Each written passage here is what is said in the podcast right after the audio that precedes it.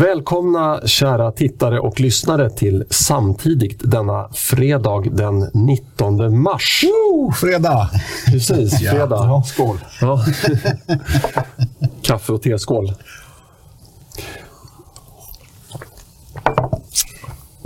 Utsökt. Ja, då börjar jag med att presentera dig. Ja, tack. Eh, vi har med oss Jimmy Åkesson idag. Hjärtligt välkommen. Tack så mycket. Partiledare, pappa, eh, Blekingebo, Mjällby-fan eh, och allt möjligt mer. Du ska få prata mer alldeles strax. Eh, jag vill också välkomna eh, Dick Eriksson och Linus Bylund, Tackar, mina ständiga vapendragare. Jag har fått äran att ställa första frågan till dig, Jimmy. Eh, och, eh, då skulle jag vilja prata lite grann om Richard Jomshofs uttalande. För det kan man aldrig prata för lite om. Nej, jag, känner också det. Snälla. Det har vi inte diskuterat. Ja, men det, för det, det finns en eh, skillnad mellan det, det han sa och det du sa. Eh, för att han, eh, det han faktiskt sa var ju att han eh, eh, tyckte att, eh, eller han sa att islam är en avskyvärd ideologi och religion. Sen kan man ju tolka det här ideologi och religion som att det var islamism han pratade om. Men om, jag, jag vill bara höra din, vad du eh, tycker om, om gränsdragningen där. För jag personligen tycker att en religion det är ju inte bara en bok utan det är ju faktiskt hur, det, hur religionen praktiseras. Och om man tittar då på religionens högsta företrädare, imamerna, Eh, hur de agerar eh, och hur de här muslimska länderna faktiskt ser ut. Är, är det något, land, något av länderna som jag skulle vilja bo i och sådär? Och jag, jag skulle aldrig, alltså jag, vill inte göra folk upprörda. Alltså jag skulle ju aldrig säga att, att islam eller kristendomen var en avskyvärd religion om, om jag inte liksom, eh, ja, eller inte bara sådär i alla fall. Eh, så att man, man ska inte göra Du folk upprörda. säger det. Nej, jag gör inte det. Precis. Så att jag kanske inte, men, men, nej, men ställ sig mot väggen. Så här, ja, jag skulle ju aldrig kunna tänka mig att att bo i Iran till exempel under den här eh, regimen. och så. Eh, har, har den, var går gränsen mellan islam och islamism? Fin- Finns det en knivskarp gräns Nej, den, fin- den är absolut inte knivskarp och det är väl det som är Rickards poäng tycker jag. Och jag tycker att han, jag ska inte säga att han räddas av för det är för starkt, men alltså att, att han nämner islam som en, både en ideologi och en religion tycker jag det är som huvudet på spiken här. Därför att islam är inte bara en religion. Islam är också en politisk ideologi i väldigt hög grad. Därför att det görs ingen skillnad på det världsliga och det andliga, eller det religiösa. Och den uppgörelsen har vi ju haft i kristendomen för länge sedan egentligen. Men islam har inte haft den uppgörelsen och därför blir det ju problematiskt att skilja på det här. Men, och det har jag också pratat med Rickard om Eh, och vi är helt överens om det och han har också i efterföljande intervjuer varit väldigt tydlig med det här att det finns det finns riktningar inom islam som är förhållandevis liberala, eh, som gör en helt annan tolkning eller som, precis som man gör inom kristendomen, väljer bort vissa saker för att man helt enkelt anser att de är moraliskt fel. Eh, och så. Ehm, och, och när jag lyssnar på, nu har jag ju inte, jag har fortfarande inte sett det där programmet, men däremot så har jag fått en transkribering av min kära stabschef som sitter här. Eh, och eh, det är helt uppenbart för mig att det som åsyftas i det Rickard säger, det är just islamism. Alltså islams eh, påverkan på samhällen och, och det, som, det som är islamism som bygger på att man ska forma samhället efter religiösa dogmer och dekret. Det är det han pratar om. Inte om, han nämner ju till och med de här liberala muslimska kompisarna han har. Eh, och så. så att den här tolkningen som vissa har gjort att Rickard hatar alla muslimer och sådär, det är bara vill man missförstå så kan man det såklart. Men, men det är fullständigt ohederligt att göra det. Men, men om, om jag då eh, bodde i ett eh, eh, sånt här land och, och jag liksom såg verkningarna av eh, utövandet av islam som då har blivit islamism. Alltså när de här imamerna utövar Koranen, då blir det islamism. Alltså, eh, hade man haft samma typ av styrelseskick då, fast under kristendomen. Så att vi svenskar har varit lika förtryckta men av kristendom. Då hade jag ju vänt kristendomen ryggen helt och hållet. Jag hade inte kallat mig för kristen överhuvudtaget. Jag hade liksom eh, men, men, men, det, i min värld så verkar det som att de de här människorna ändå liksom är, Eh, är villiga att kalla sig muslimer trots att de har blivit så fruktansvärt illa behandlade av eh, de som faktiskt bestämmer inom islam, imamer och, och, andra, jag kan inte exakta rangordningen här. Men, eh, hur, hur, hur, hur, tänker du där? Alltså det, det, gör ju, det gör ju att det blir ännu svårare att, att liksom dra en gränsdragning. För de, de som Rickard nämnde, de som har blivit illa behandlade och de som han led med, ja de kallar sig ju fortfarande för muslimer, mm. trots att de har blivit så illa behandlade. Och Det kanske är då ett skäl till att ändå vara, försöka nyansera lite. Alltså att all, alla människor som bekänner sig till religionen islam är inte eh, för allt det här elaka, hemska, utan de är ofta offer för det. Eh, sen är det min huvudinvändning, om jag ändå ska vara konkret, det är ju att, att som ett politiskt parti så recenserar vi inte religion. Eh, jag kan göra det personligen. Vi kan alla här ha mm. olika uppfattningar om kristendom, och hinduism, och buddhism och, och, islam eller vad det nu än är. Men det är helt ointressant för ett politiskt parti. Vi har muslimska medlemmar i Sverigedemokraterna. De, det är klart att de, är ju inte, de tillhör ju inte någon, någon, ja, någon regim i något muslimskt land och kanske inte har de värderingarna. Utan tvärtom, de har ju anslutit sig till oss därför att de ser ett värde i att kanske vara muslim men ändå ha västerländska värderingar eh, och så. Så att jag tycker att man kan inte vara så svepande. Och Rick, Rickard håller med om det. Och allt annat han säger, utom just att orden föll som de föll. Det, det var ju det som man upprördes över. Eller ärligt talat så är det, det är Annie mm. Lööf, det är Morgan Johansson, det är Annika Strandhäll och det är Stefan Löfven. Suspect. Det är usual suspects. Ja, men det är ju så. De, de, de spelar ingen roll vad. Visst, vi kan nej. säga att himlen är blå och solen är gul och de blir lika upprörda i alla fall. Så det, ja, nej, jag, jag tycker mm. inte att, att Rickard i sak hade inte fel. Han sa bra saker, men jag tycker det är viktigt som när man är hög företrädare för ett parti att man är, vikt, man, man är noga med distinktionen mellan till exempel då islam och islamism. Det är bättre att prata om islamism, mm. för då förstår alla vad man menar. Ni, ni, ni har ju faktiskt... Ut, ni, jag, jag, köper det att man inte uttalar sig om en religion som ett parti. Eh, men ni kan ju, och vad jag förstår även har uttalat er om muslimska samhällen kontra västerländska kristna samhällen. Men, men det är, det, för, för, en lekman så är det ju liksom hårfin skillnad. Men eh, det, det, ja, men det är, jag, jag håller med om allt som har sagt och det är hårfin skillnad. Men det finns ju andra aspekter av det här. Dels eh, det här är en debatt som har blossat upp därför att den huvudsakliga debatten, det som det här skulle handla om, var ju mångkulturalism eller mångkultur. Mm. Vilket man nu har förstått är en jäkligt dålig ideologi. Eh, och därför så, så vill man inte diskutera det. Och ah, Då är det lite orutinerat eh, av Rickard och av tjänstemän som har spridit det här på och, och partiets vägnar eh, att gå på den eh, finten. För den här, den här tiden som, eh, som Jomshof hade i rutan hade kunnat vara mer eh, konstruktiv. Därför att mångkulturalism är en, en religion, på att säga, en ideologi som har sabbat Sverige. Och det är det vi behöver prata om. Nu hamnade fokus på eh, liksom alla muslimer i hela världen. Det var ju såklart inte Rickards fel, men han, han hade kunnat räkna ut det. Eh, det. det. var inte en debatt om islam. Eh, jag tycker att om man har en debatt om islam, då kan man, då kan man absolut som enskild företrädare gärna få säga att man tycker illa om, om islam. Eh, men jag, det är en annan aspekt på det än vad jag tagit upp tidigare. Att man, att man kanske försatt en chans att prata om det som, som, du, som man skulle prata om. Mm.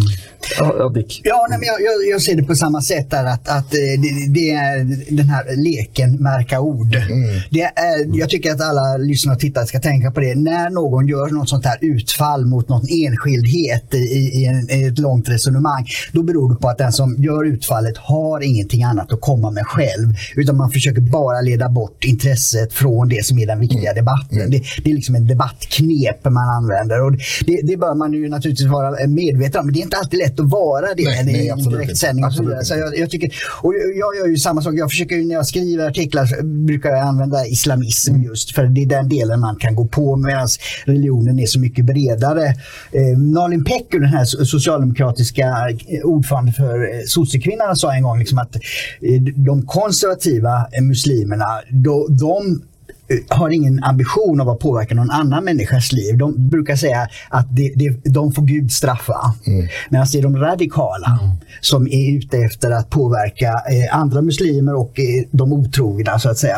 Och, och så att det, det, finns många bottnar i, i det där och då är det bättre att prata om islamism för då är man tydlig med att det är den politiska dimensionen. Mm. Men om, om jag får fråga dig då Jimmy. Mm. Eh, är det inte så, det här det har liksom legat lite underförstått när Linus och Dick har pratat nu att det här är någonting negativt för eh, Sverigedemokraterna att det blir en debatt om debatten. Man, man har en debatt om, om mångkultur och islam och sådär.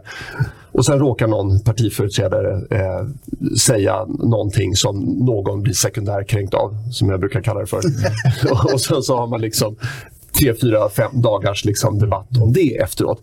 Men missgynnar det verkligen Sverigedemokraterna? Jag vet inte. Alltså det, det, det beror på vilket plan vi pratar om. Därför att vi har ju... Alltså det, det är klart att väljarna i allmänhet, alltså de som är potentiella sverigedemokrater, de som redan röstar på oss, de vet ju precis vad Rickard menade och de håller med. Så att, nej, jag tror inte att det missgynnar oss i det avseendet. Det är klart, sen den då Ulf Kristersson som aspirerar på att bli statsminister på vårt mandat i, i någon mening eh, går ut så skarpt som han ändå gjorde och tar avstånd från det här uttalandet. Det gör det ju lite svårare för oss att prata om andra saker. Vi skulle behöva diskutera hur vi kommer åt brottsligheten. Eh, jag och Ulf till exempel. Vi skulle behöva diskutera hur vi kan minska invandringen. Vi skulle behöva diskutera energipolitiken, sjukvården, massa andra saker. Så får vi prata om det här istället. Det är klart att det ja, det tar ju fokus från viktiga saker. Och det hade varit så enkelt om, om nu Rickard då inte hade sagt islam utan hade sagt islamism istället. Då hade förmodligen ingen reagerat på det sättet. Ja, Annie Lööf hade reagerat i alla fall. Men ingen annan hade reagerat men, på det sättet. Jag vill bara säga det, man kan alltid i efterhand eh, diskutera huruvida det blir bra eller dåligt. Och, och det, jag lägger mig inte i det. Eller det gör jag, men inte just i det här skedet. Att, att ha en pseudodebatt som man inte har eh, åtminstone en liten avsikt att ha är skakigt rent kommunikativt. Om man, om man, har en, om man uttrycker sig på ett sätt för att få eh, reaktioner från de här eh, lättkränkta damerna och herrarna på, på uh, the usual suspects eh, och får en, en, en, debatt om någonting med, på grund av att man har uttryckt sig eh, spetsigt eh, och vet om det innan, då har man en mycket bättre möjlighet att faktiskt göra någonting av den här debatten. Jag, jag förstår vad du fiskar lite efter och på kort sikt så är det naturligtvis bra med den här debatten. Men på lång sikt, alltså förtroendemässigt och så vidare gentemot till exempel Moderaterna, gentemot eh, väljargrupper som är mer lika Moderaterna så är det inte nödvändigtvis bra, särskilt inte på längre sikt. Ja, men det, det, ger ju lite intryck av att vi är en lös kanon, mm. säger man på svenska. Ja, att, att vi inte riktigt har koll på vår kommunikation och sådär. Men som sagt, som Dick också var inne på, det är direktsändning. Mm. Man får inte alltid med alla nyanser i en direktsändning. Ibland säger man fel man, och, sådär, och det, det, får man också förstå. Ja, det, det är 99 procent fånerier.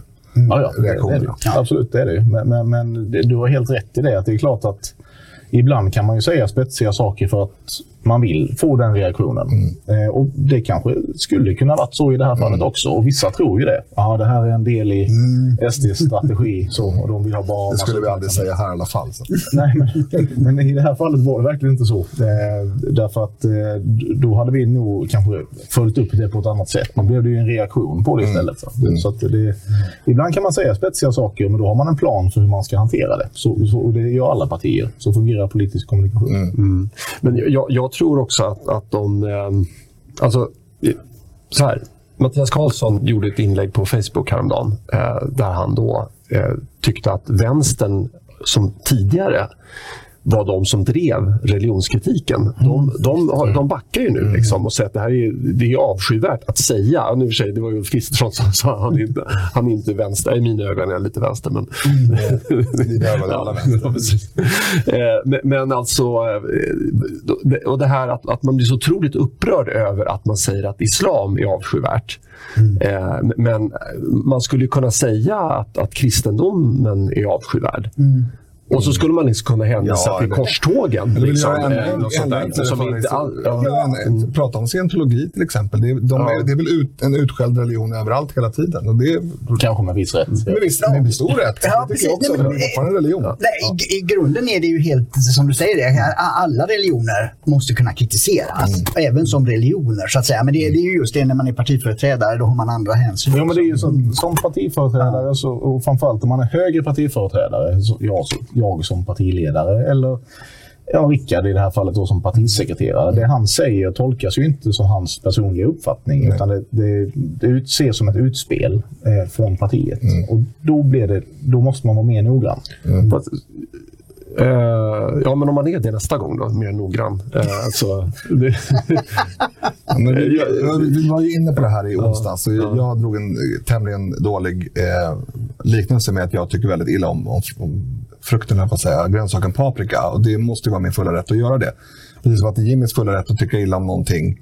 Eh, vad som helst egentligen som person. Men man måste då som företrädare kanske eh, fundera på vad som är partiets eh, linje i en fråga och om det ens är en politisk fråga. Och det, det har ju jag pratat eh, i förra avsnittet om att jag tycker inte att religionskritik hör till eh, de eh, ämnen som ett parti ska ta upp.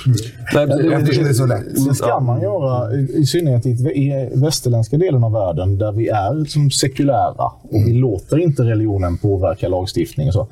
Eh, det, det, är också i och för sig en sanning med modifikation. För att, menar, det, som jag brukar säga, att, att så plocka bort kristendomen från svensk kultur och svensk lagstiftning, det är som att plocka ägg, äggen ur, ur eh, sockerkakan. Det, det går liksom inte. Eh, men, men det är inte så att vi har ett prästerskap som talar om för Stefan Löfven vilka lagar som ska stiftas. Nej. Eller för mig för den delen. Utan, och vi styr, det är inte så att vi har Bibeln som ligger bredvid oss i riksdagen när vi stiftar lagar. Nej. Utan det är särskilt. Och det, det är det inte i den muslimska världen. Nej. Utan där är det tvärtom. Och det är blir det som är problemet. Då blir det en kritik av islamism Ja. eftersom man kritiserar just kopplingen mellan eh, samhällsliv eller samhällsstyre och religion. Sen är det också, tycker jag, en viktig aspekt att vi är ju trots allt svenska politiker, både jag och Rickard. Och vi vill inte ha det här. Alltså, Nej. Jag tycker det är fruktansvärt vad människor får utstå i den muslimska delen av världen. Eh, och vi ska göra vad vi kan genom bistånd och diplomati och annat för att hjälpa de människor som far illa under islamismen. Eh, men, en annan sak som är extremt viktig för oss det är att hålla det borta från Sverige. Eh, och jag skrev en artikel i Aftonbladet för 12 år sedan. 12 år sedan. Eh, Ja, I som, höst blir det 12 år sedan. som fick en ganska bisarr rubrik där jag i, i citattecken till och med sa att is, muslimerna är vårt största hot. Eller något sånt. Det har jag aldrig påstått att de är. Däremot så har jag sagt att, att muslimsk påverkan på det svenska samhället är ett stort hot. Ehm, och, och det har man ju, har också fått lite en renässans nu i den här debatten. Då, att ja, men Åkesson sa det här redan för 12 år sedan och nu säger Rickard det igen. Ehm, det är inte samma sak. Det har också fått en ren- renässans i den meningen att saker som vi då, eh, när den här artikeln plitades ihop och i den efterföljande debatten varnade för, eh, att det kommer finnas särkrav från den muslimska befolkningen, eh, allt medan de blir en större minoritet. Det har ju eh, för punkt för punkt blivit sant. Man har bönutrop. Det var ju, folk garvade ju när vi sa att alltså, någon, gång- någon gång i framtiden kommer man ju kräva bönutrop. Nej, det kommer man inte göra. ja, men så var det. Alltså. Och det, det är samma med alltså, bara sådana saker som särskild mat i skolan. Det var också så här, nej, det kommer inte hända. Ehm, så att det går ju även på den ledden vår väg. Men jag tror så, ja, eller, mm, ja. Ja, eller vi får, nej, vi, vi, vi, får rätt. Vi såg det komma. Vi såg det komma. Just det. Till skillnad från andra. Ja, men precis. Nej, men, som jag skrev lite retoriskt till någon miljöpartist eh, som eh, ojade sig över eh, Jomshofs uttalande på Twitter. Att men, man kan faktiskt avsky kärnkraft utan att avsky de som är anställda vid Forsmark. Och, och, och det här, Kommer de här analogierna igen? Ja, Ja. förstod du? Jag förstod absolut. Och- och Det är liksom så här, var, var, varför kan man inte rikta en stenhård kritik mot liksom den muslimska världen? Och Om man vill kalla den muslimska världen för islamistisk eller eh, muslimsk, det, det, är liksom, ja, I min värld så är det hårfin skillnad. Men, men absolut, det, det, eller det, gränsen är hårfin. Men det är absolut, jag, jag förstår skillnaden. Eh, men eh, jag, jag, jag, tycker att där satte du eh, fingret på det, din utläggning här för några minuter sedan. Att, att vi vill ju inte ha det hit. Och, och, och det finns muslimer som är fantastiska människor. Men jag skulle säga att det är ju ett trots deras religion, inte tack vare. Ja. Det, det, det, står ju liksom... Alltså, jag tror inte att de ser ja. det så. Nej, det kanske de inte gör. Ja, alltså, så att, så att det är väl, du får ha den uppfattningen. Men jag tycker ja. att jag, jag, som partiledare för Sveriges tredje största parti behöver dra den slutsatsen. Nej. Däremot kan jag konstatera det också. Det finns muslimer i Sverige som jag har jättestor respekt för och som gör massa för att göra det bättre för då den muslimska minoriteten i Sverige. Och vi pratar ofta om den muslimska minoriteten, men i vissa delar av Sverige, i vissa segregerade områden så är inte muslimer i minoritet längre utan det är i majoritet. Mm. Eh, och, och, det är också en problematik eh, kopplat till det här. Där, för det är det som är, du var inne på det tidigare här, att vi, varför är det så hemskt att, att kritisera islam men, men inte kristendomen och så. Och det är ju, man motiverar ju det med att muslimerna är en minoritet som då förtrycks och så. Och det är ju så generellt sett i Sverige. Om man tar hela Sverige så är det ju en, ja, vad är det, en 800 000 eller något sånt. Som Oklart om de förtrycks. Ja, exakt. Nej, men alltså, de är ändå en minoritet. Ja. Alltså, så de, de, de, tvingas på något sätt anpassa sig till vår lagstiftning och så, fast de egentligen kanske inte håller med.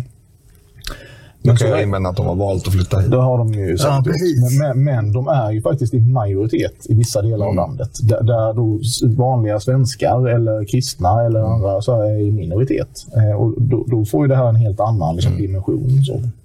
Mm. Om man går över till, till ett, ett, konkret exempel så har det kommit en rapport om, om eh, antisemitismen i Malmö skolor. Eh, och eh, på ett sätt är det ju en framgång för, för eh, både rapporten och till och med då Dagens Nyheter, den här överkänsliga tidningen, säger att, att eh, antisemitismen är allmän, med rötter i Mellanöstern skriver man. Ingen skriver islam någonstans, men man skriver ändå, erkänner ändå att det är med rötter i Mellanöstern. För tidigare har det hetat att det, att det är högerextremism som står för antisemitismen i Sverige. Och man har alltid gjort den kopplingen. Och jag ser när man går in på bildbyråer och skriver antisemitism, då är det alltid eh, den kopplingen man gör till andra världskriget och så. Men i, bland eh, judar i Sverige och i Europa, det, där har Europarådet eh, gjort en undersökning, så upplever judar själva att det är just från eh, muslimskt håll som hatet kommer.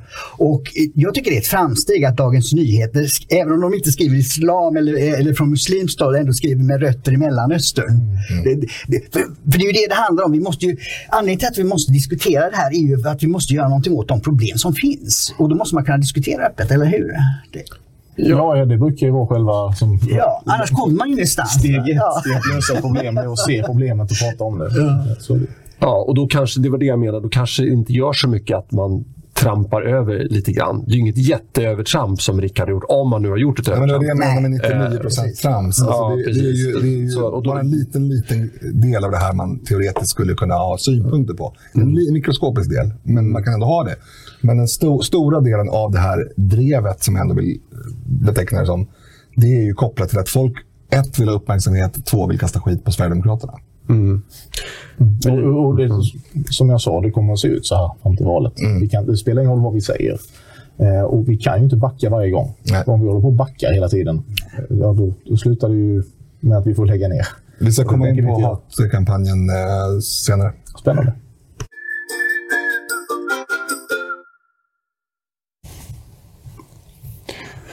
Vill du eh, ta nästa ämne, Linus? Ja, men det kan jag göra, men om du har något så kör. Eh, nej, det är ju nej, ännu mer då... islam. Och, jag kan prata om det i tre timmar. Jag tycker nej, jag att det var en rolig eh, debatt här om sisten som inte handlade om, om islam och Richard Jomshoff. Eh, eller lite kanske beroende på hur man tolkar det. Men, men eh, som handlade om eh, kulturell belastning. Eh, där apropå det... välplanerade eh, utspel. Ja, mm. kanske. Mm. Men framförallt apropå den här... Eh, allt apropå att samma... Eh, vad ska vi säga istället för usual suspects? Uh, de vanliga, de vanliga mis ja, precis. Det, det här är en svensk podcast. Mm. Ja, de vanliga misstänkta eh, gick i falsett och eh, brösttoner. Eh, men jag uppfattar det som att det här är någonting som är helt... Det, det borde inte vara kontroversiellt. Det är, det är någonting som har sagts från vårt partis håll och ditt håll i, ja, sen, sen 1988. Ja, säkert. Eller hur? Ja, ja. Nej, jag, jag, förstår inte den debatten alls faktiskt. Men det, eller jag förstår ju den därför att det handlar inte om debatt i sak, utan det handlar om återigen debatt om debatten eller det handlar om att eh, anmärka på saker för att få uppmärksamhet för sin egen linje och polarisera. Mm. Det, det, det, det, pratas mycket om polarisering, inte minst då kopplat till USA som jag vet att du pratar väldigt mycket om. och sådär. Eh, men är det något parti i Sverige som på riktigt gynnas av polarisering så är det ju Socialdemokraterna. Mm. Det är därför de försöker polarisera så mycket som möjligt.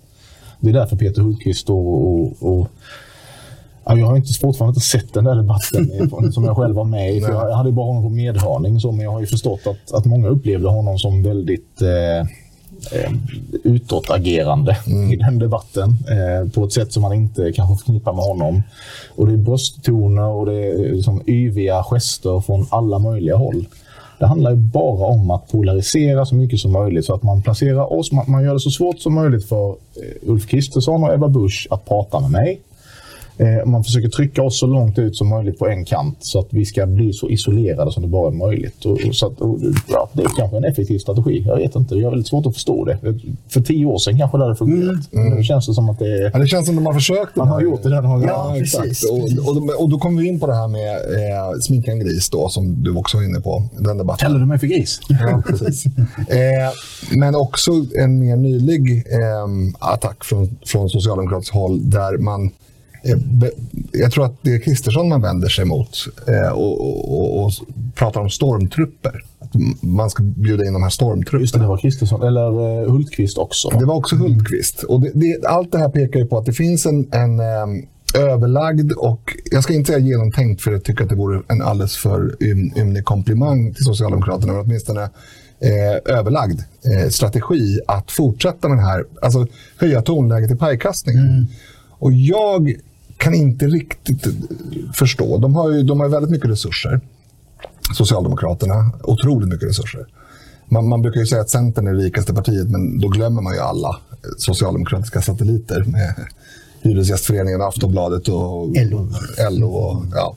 men, men, de borde ju inte landa i en sån skev slutsats eh, som jag bedömer att de har gjort. Så att jag kanske har fel. Det kanske är så att Socialdemokraternas enda chans att vinna den här debatten där de saknar argument faktiskt är att, att eh, dra upp den här tonlägesreglaget ännu högre. Det finns, det finns en jätteintressant aspekt på det här, förlåt Dick, men mm. därför att ja, eh, jag, jag, är helt övertygad om att Socialdemokraterna har gjort analysen. Eh, de får ju samma opinionsdata som vi får, som alla partier får. Tittar man i sakfrågorna där sossarna har i evinnerliga tider egentligen ägt sakfråga efter sakfråga efter mm. sakfråga. Idag äger de nästan ingen sakfråga. Nej. Väljarna har inte, liksom, det är inte det parti som väljarna har högst förtroende för i nästan någon sakfråga. De fattar att de kommer inte kunna bli återvalda på att prata sakpolitik. De kan bara bli återvalda genom att polarisera och få den här ja, ganska yviga debatten mm. som inte egentligen handlar om någonting annat än vem som är snäll och vem som är dum.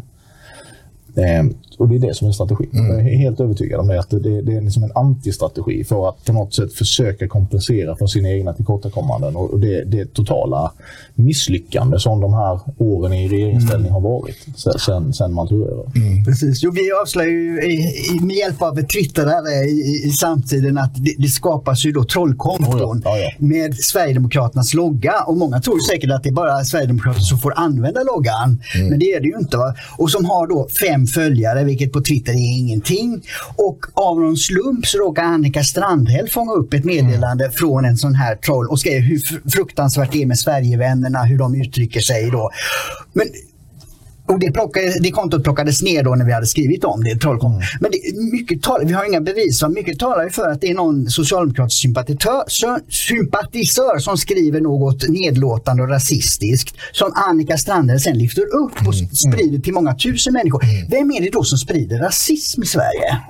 Och detta för att smutsa ner en motståndare mm. genom att eh, liksom, ge, först ge motståndaren ett falskt argument och sen argumentera emot det. Alltså det, det, det, det är en väldigt panikartad organisation ja, det så, att de man, gör så. Man bygger sin halmgubbe. Man, mm. man gjuter den i gips, eller vad säger man? Ja, man bygger en halmgubbe, så gör man en gipsavgjutning av ja. den genom att mm. agera på det sättet. Ja. Det, är så, det är så fruktansvärt ohederligt och så mm. men, men, men, men, men, jag tror inte att detta funkar. Eh, för det har inte fungerat hittills. Och det, jag tror att det fungerar ännu sämre. För en, jag tror faktiskt att en anledning att superkänsliga Dagens Nyheter börjar nämna med rötter i Mellanöstern beror på att de inte längre eh, känner riktigt att det, finns den intellektuella kapaciteten hos eh, socialdemokratin att man kan luta sig mot dem i den ja, samhällsdebatten. Så att säga. De, har ju måste... gått, de har ju gått från den här idén om att när man kommer över gränsen så är man 100% integrerad och svensk mm. till dagens läge där de faktiskt lyfter eh, att antisemitismen i Malmö faktiskt mm. beror på, på massmigration. Precis, för det Så borde vara en liberal skillnad. reaktion att, eh, att, eh, om några bedriver en, en falsk kampanj då måste man faktiskt börja tala om hur det är. Mm. Mm. Och i, i, just det här fallet så hamnar den, den judiska gruppen hamnar ju väldigt mycket i kläm när man, när man ljuger om orsakerna. Mm. Eh, och, så, och det, de har ju lovat på ganska hårt här mm. som jag förstår det. Eh, men en kvarstående fråga rörande det här, det är ju... För jag tror, åtminstone min känsla är att ganska många svenskar, om de inte ännu har sett igenom det här eh, med Socialdemokraternas hatkampanjer och pajkastning, eh, ändå är på väg att göra det. Mm. Så jag tror att det, det kan vara väldigt vanskligt att fortsätta den här. Eftersom det blir, det blir ju då den här effekten som jag pratade om tidigare. att Först så, hos en människa så är uppfattningen att Sverigedemokraterna det är, det är liksom så hemskt, det går inte. Och sen så successivt så förstår man, vänta nu här, det är någon som försöker lura mig. Mm. Och sen inser man, men det var han som försökte lura mig, den där jäveln, Stefan Löfven. Då blir ju reaktionen att man aldrig någonsin, det är inte bara det att man kommer rösta på Sverigedemokraterna nästa val. Det är till och med så att även om man av någon anledning skulle tycka att Sverigedemokraterna har fel någon gång i framtiden och inte vill rösta på Sverigedemokraterna så kommer man absolut inte rösta på Stefan Löfven eller Socialdemokraterna mm. eller ens den sidan av samhälls, det polariserade samhället. Därför att de har ljugit. Mm. För det är det de gör hela tiden. Lågintensiva lögner som förr eller senare ses igenom. Och då undrar jag om man har gjort analysen att vi kan lura tillräckligt många som där tillräckligt många av dem, tillräckligt många, inte kommer att genomskåda det här innan september 2022. Jag tror också att man gör bedömningen att det, det är, alltså, man kommer inte att genomskåda överhuvudtaget. Mm. Därför att de, som, återigen, de läser samma opinionsdata mm. som vi gör och det är rörligheten mellan de här utkristalliserade blocken. Nu har det ju ändrats lite sen Liberalerna blev så pass tydliga att de vill ha en borgerlig regering som de säger. Eh, men det är å andra sidan ett väldigt litet parti. Mm. Eh, så att det, det, förändrar inte jättemycket. Men, men alltså rörligheten mellan då det konservativa blocket, eh, som jag ändå väljer att kalla det. Det blågula. Mm. Det blågula blocket ja. och det här vänsterliberala. Liksom. Det, det, det, finns inte mycket rörlighet, det finns inte mycket utrymme. Mm. Det är några enskilda procentenheter mm. där. Och Det kan man alltid diskutera vad det beror på. Och Det är såklart det, det är en ögonblicksbild och det är på kort sikt. På lång sikt så har det hänt väldigt mycket. Jag minns när Sifo analyserade oss och sa att när vi fick 3% i en opinionsmätning så hade vi slagit i glastaket. Nu kan vi inte växa mer. Och så var det inte riktigt.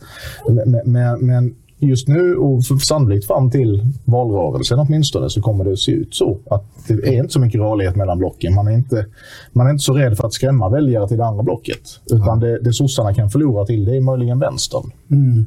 Eh, och det gör inte så mycket därför att man behåller ändå regeringsmakten. Och man tappar ett par procent till, till dem. Man kommer inte att tappa till oss, man kommer inte att tappa till Moderaterna, man kommer inte att tappa till Kristdemokraterna, man kommer inte att tappa till Liberalerna. Då är det ofarligt att göra så här. Eh, och då handlar det snarare om att distansera väljarna från det blågula blocket ja, och, och sakfrågorna. Mm. Så vi ska inte prata sakfrågor, för det förlorar vi på. Vi ska mm. prata om hur hemska de här är. Om de tar över, då kommer hela landet att bli... Det kommer bli som i Nazityskland och i Nordkorea och Kuba och Sovjetunionen och allting mm. på samma gång. Mm. Det bli så fullt den värsta diktaturen i världshistorien. Mm. mm. Men samtidigt så menar jag att, att, eh, verkligheten hela tiden arbetar emot, eh, eller flyttar det här glastaket, eller flyttar den här kritiska massan i respektive läger. Vi kanske ska ta den här diskussionen på våra ja, precis. Jag tänkte på det. Vi får en liten, det blir en liten eh, strategidiskussion här. Men det tycker jag var intressant. Ja, jo, men det vi får det vakta våra tungor Och, bara. och, och jag eh, tror ju att även på den eh, vänstersidan så finns det ju socialdemokrater, LO-företrädare som skäms över den här eh, antiintellektuella eh, kampanjen som, Väldigt- som partiet gör. Och jag undrar vad det, vad det leder till hos, hos dem, liksom, om man känner det att mina företrädare bedriver en väldigt eh, omoralisk kampanj. Vi har ju riktiga problem. Vi har riktiga, alltså folk Ja. dör i vårdköer. Folk skjuts på gatorna. Eh, och, och ja, det finns så många Ja, problem. och då sitter- Prata om det istället. Så Morgan Johansson använder sin tid att twittra elakheter och plumpheter. Ja. Ja, precis. Men, att- ja, och man kan twittra saker och, och så. Men, men ärligt talat så man får göra det även om man är statsråd. Jag tycker det. Men alltså ärligt talat, så det, det, att han har tid att att vara så aktiv på Twitter som han är. Det, det säger ju någonting om, om eh, hur han ser på sitt uppdrag. Någonstans. Alltså, som sagt, folk skjuts på gatorna. Vi har en, en enorma problem med, med massa jättefarliga människor som springer löst på gator och torg.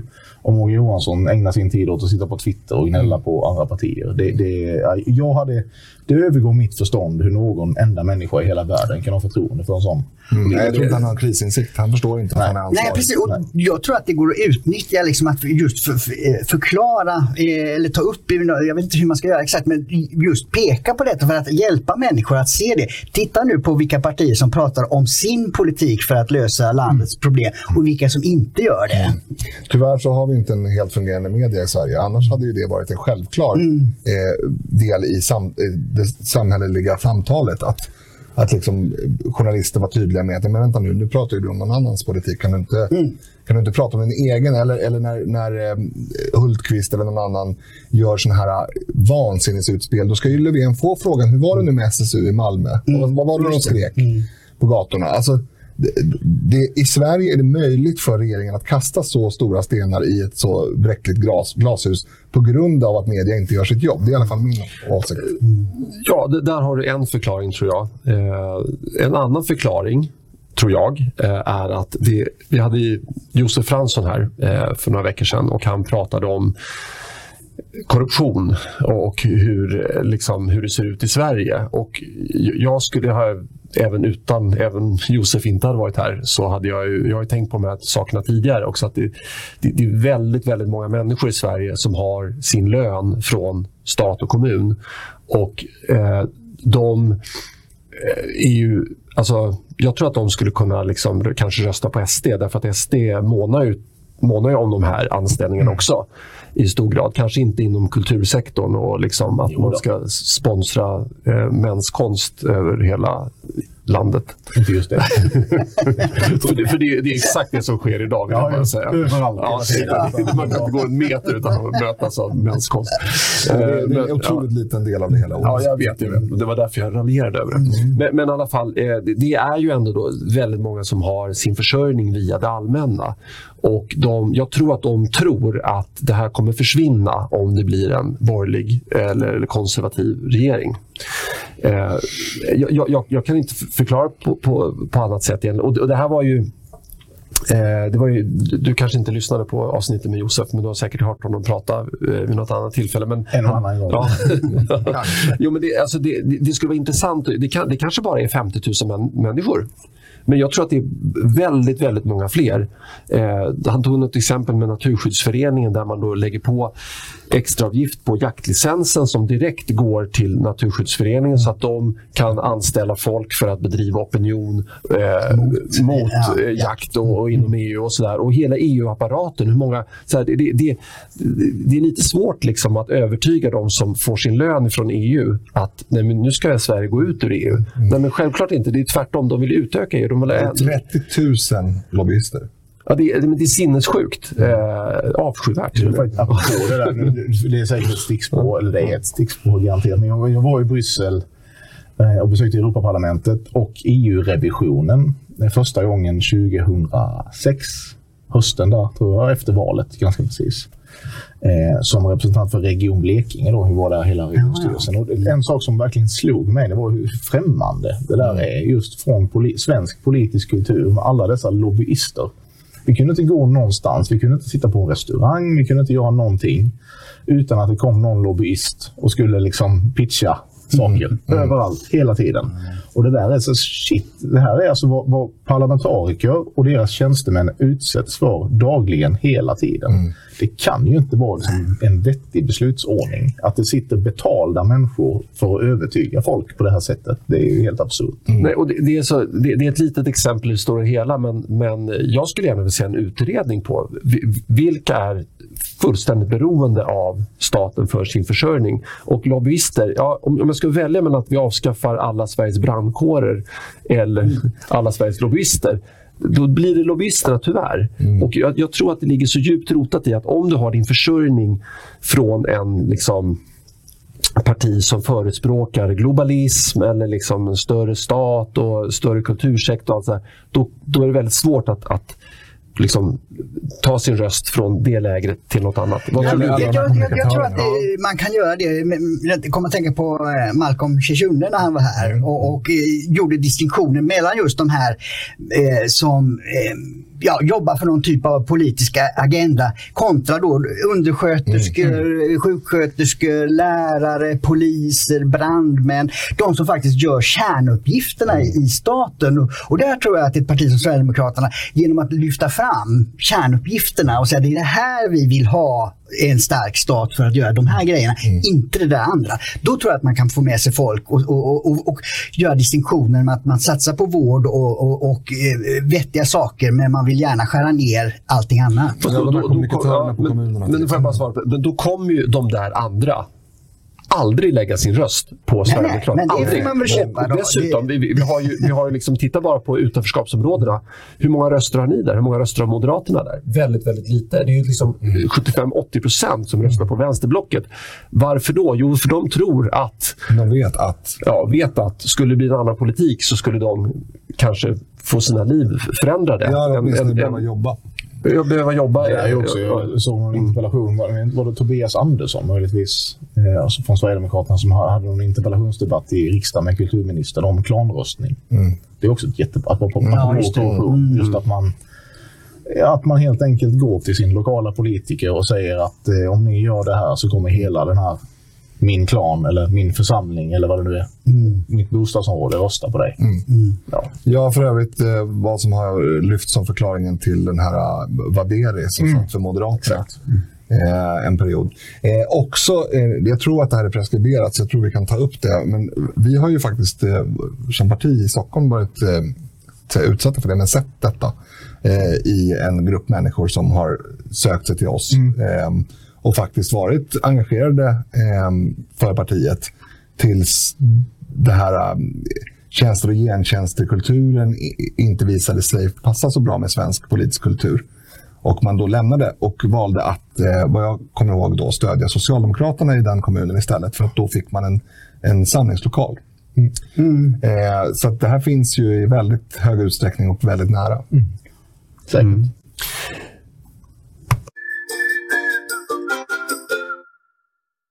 Ja, just det. Ja, Dick, du vill ta upp någonting eh, aktuellt och stort. Ja, nästa vecka så ska ju riksdagen rösta om den här coronafonden har den ibland kallats i Sverige och, och återhämtningsfonden har den kallats i, i riksdagen ser jag. Eh, och vad jag förstår så är det ju bara eh, eh, vad heter Sverigedemokraterna som är emot eh, Vänsterpartiet. Vänsterpartiet ja, ja, det finns det också där. Ja, just det. Mm. Äntligen får vi säga något positivt om Vänsterpartiet. Vi måste ta det här tillfället i akt. Vänsterpartiet är också emot att skyffla hundratals miljarder från Nordeuropa till Sydeuropa. Fortsätt Nick. Precis. Ja. Därför jag tycker det är så märkligt att, att eh, Sverige har ju ja, den förre statsministern Reinfeldt pratat om att vi, vi behöver jobba till vi är 75. Mm. Och så nu ska den här eh, coronafonden innebär den att man, skickar eh, ja, 150 miljarder från Sverige under eh, de närmsta åren ner till medelhavsländerna där man har pensionsålder på 55 på en del ställen. Mm. Så alltså, det, EUs projekt går alltså ut på att svenskar ska jobba 10 år till från 65 till 75 ungefär. Medan de ska kunna, för, för att de ska kunna behålla sin pensionsålder på 55 om man förenklar det väldigt, väldigt mycket. Ja, plus medborgarlön. Ja, och sen vill Socialistpartiet i, i Spanien ha sagt att man tänker använda de här för medborgarlön och fyra, timmars, eller fyra dagars arbetsvecka och sånt. Som också svenskar då ska betala. Och ändå vill de flesta partierna rösta igenom detta. Mm. Hur ser du på det? Ja, jag, om de vill det eller inte, det, det kan vi låta vara osagt. För jag, jag tror faktiskt inte att de vill det egentligen. Men man är ju lojal med den eh, klubb som man ändå är med i, i EU. Och det är klart att när man åker ner och förhandlar så är det ju, Stefan Löfven kan ju åka ner och vara hur tuff som helst det spelar ju faktiskt ingen roll. Även om han gärna ger sken av det här hemma att oh, jag var så tuff när jag åkte ner där. Men det gick det. inte den här gången heller. Liksom. det, det, är ju därför att Sverige är i sammanhanget ett väldigt litet land som mm. de stora länderna i EU inte behöver bry sig ett dugg om. Vi är heller inte med i EMUs, eller vi är inte med i valutaunionen, eller vi är inte med i valutan, alltså EMUs tredje steg. Eh, vilket innebär att, att eh, vi har ju ja, vi får ju rätt mycket som är dåligt med det. Alltså vi har ett ansvar och så gentemot EMU och, och den eurozonen. Men vi, vi har ju inte valutan. Men det betyder att vi får ju vara med och betala för mm. krisande ekonomier, vanskötta, misskötta mm. ekonomier i Sydeuropa för att de är med i euron. Och det är jättedåligt för hela eurozonen om de går ännu sämre. Mm ja, då får vi betala för det. Helt Precis, det, och, och, så använder man pengar på det här mm. sättet och det, det, det är ju stötande. Mm. Jo, alltså jag förstår inte, för jag hade hoppats att Brexit skulle innebära att man skulle ta sitt förnuft till fånga i Bryssel och förstå att om vi går för långt med den här centraliseringen så kommer den att falla i sönder. Men de har istället accelererat. Ja, men det är, jag, alltså, jag, tror jag alltid sagt det att ska EU fungera, alltså ska vi, ska vi lyckas, vi lyckas, nu låter det Ska de lyckas fullt ut med integrationen mm. och, och, få liksom EU att bli det som de här federalisterna drömmer om, då är det 100% integration integration som gäller. Mm. Det är det enda, mm. det enda vägen framåt. Därför att, och det är precis det mm. euron är, ja. handlar om. Du, du integreras så ekonomiskt så tätt, till och med monetärt, med varandra så att man är så beroende av hur det går där, hur det går där, hur det går där. Eh, och, ja, det är så. Och, och egentligen så vi borde ju inte behöva vara en del av det. Nej. Men eh, Stefan Löfven var inte tillräckligt tuff den här gången heller. Utan det, han, han får tuffa till sig till nästa gång. Han lyckades, ja, han lyckades ju dessutom, jag vet inte om, om det var han, men, men man lyckades ju ge sken av att han hade prutat ner det här så mm. väldigt mycket. Och vi drog någon, någon eh, anekdot eller någon, någon liknelse i något avsnitt för länge sedan. Att det är som att han ska köpa en Volkswagen Passat och så säger säljaren att du får den för 3 miljarder. Då säger han nej, det slår näven i bordet. Och sen står han där med en Passat för en miljard och tror att han har gjort ett bra, mm. bra deal. Mm. Och, och, det blev ju rent kommunikativt så att många svenskar trodde nog ja. att nu har, mm. nu har Löfven varit där nere och jäklar vad vi har fått betala lite. Men 150 miljarder är 150 miljarder. Ja, det är väldigt mycket pengar. Man, jag, till något annat sammanhang så jämförde jag det med den här krisbudgeten som fick så enormt mycket kritik i höstas. Mm. mm. Eh, där alla partier nästan eh, gick med på åtminstone reformer på 100 miljarder. Mm. Det är bara 100 miljarder och då, då, då tänker man att då befinner vi oss i en gigantisk kris. Mm. Här bara så här, skickar vi pengar till mm. Bryssel. Ja, ytterligare 50 dessutom. Och det, det som är intressant tycker jag i det här det är ju att det, det är ju trots allt inte Bryssel som bestämmer. Alltså Sverige har ju, det finns ju fortfarande en vetorätt inom EU-samarbetet. Jag vet inte om den någonsin har använts, men, men det finns. Vi har ju, I teorin har vi vetorätt mot det här. Eh, det betyder att om Sveriges riksdag skulle bestämma att nej, vi ska minsann inte gå med på det här, då kan Sverige lägga in sitt veto. Mm. Och då hamnar vi i en helt annan situation. Mm. Um, och den möjligheten borde finnas. Vi är emot, vänstern är emot.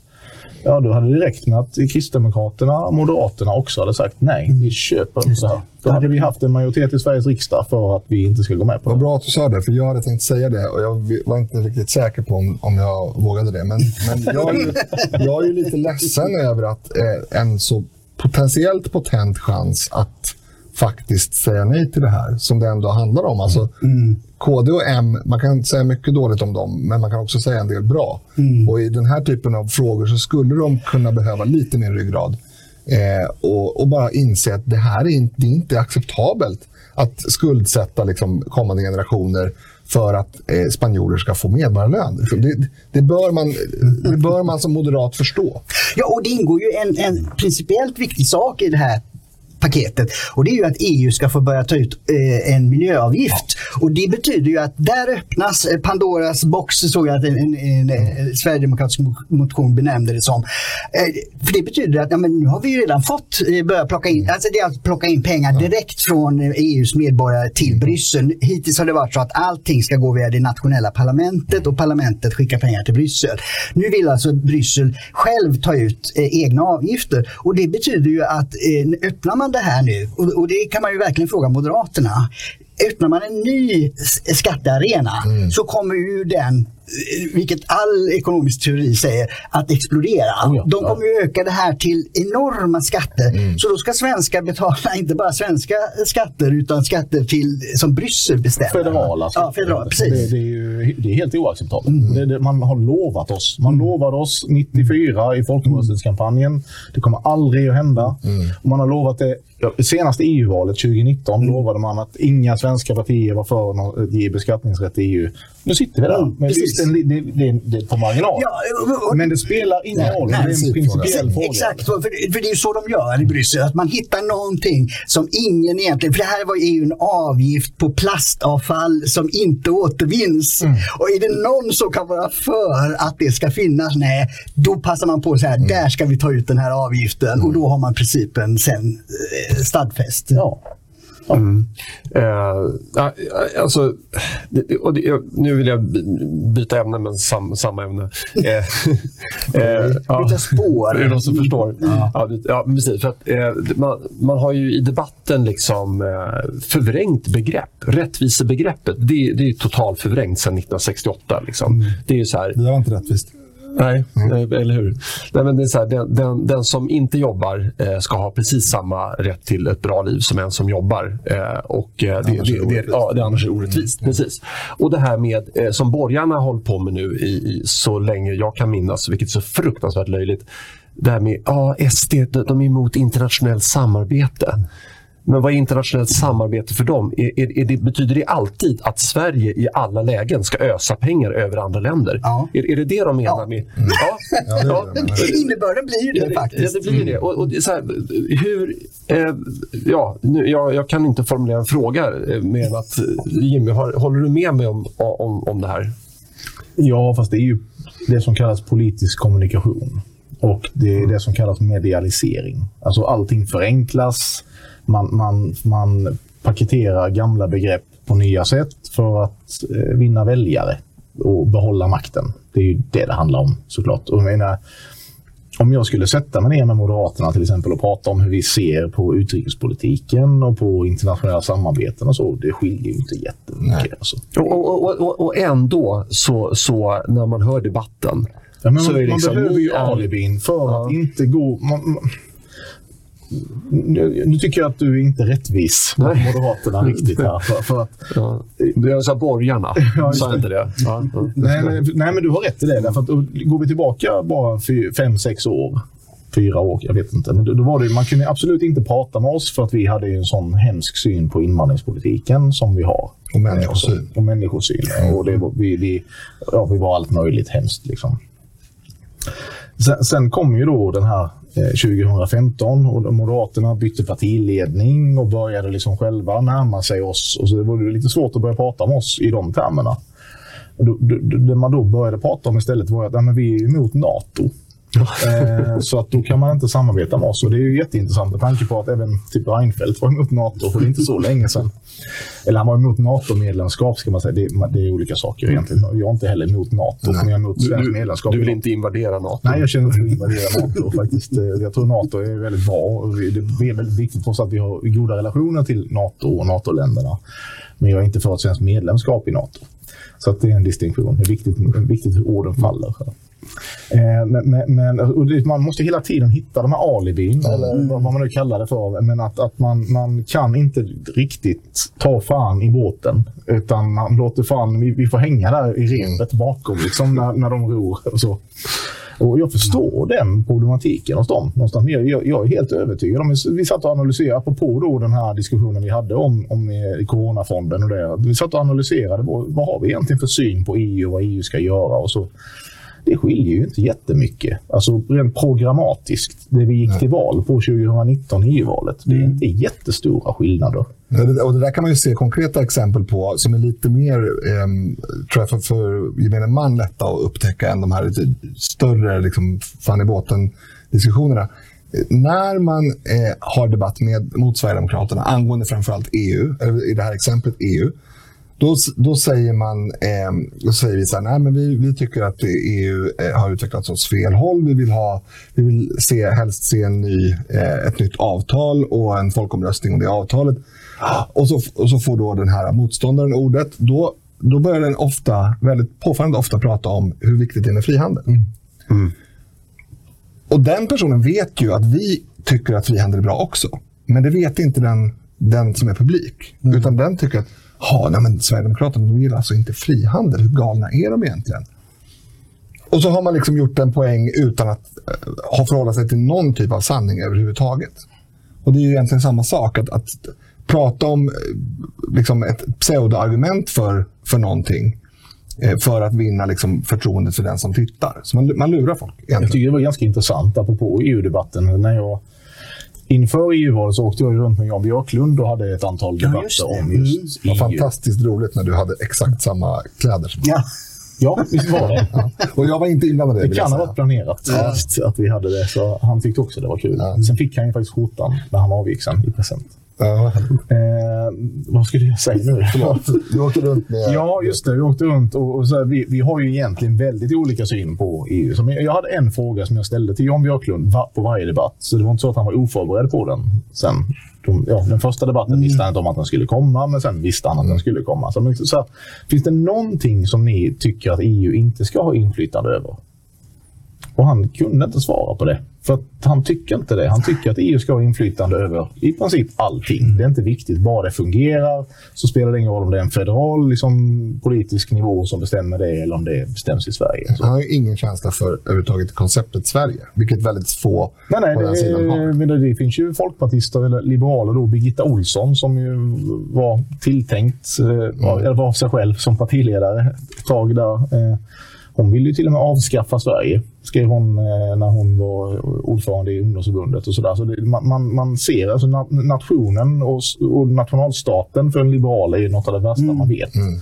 Samtidigt som man då nu pratar så mycket om den liberala demokratin och hur viktig den är. Och jag då som eh, som har läst statsvetenskap och specialiserat mig på just demokratiteori vet ju att det är väldigt svårt att förena, att prata om en liberal demokrati mm. utan nationalstat. Mm. Det går helt enkelt inte. Alltså, nationalstaten är liksom en förutsättning för den liberala demokratin. Och är, den liberala demokratin den är ju hotad av just att nationalstaten är hotad idag. Mm. Det är vi, vi utmålas som hotet mot, nu är det en helt annan diskussion här, mm. det är viktigt. Vi utmålas som hotet mot den liberala demokratin. Det är vi som vill bevara den, för ja, vi vill bevara exakt. den enheten som är själva förutsättningen för att den ska kunna existera. Mm.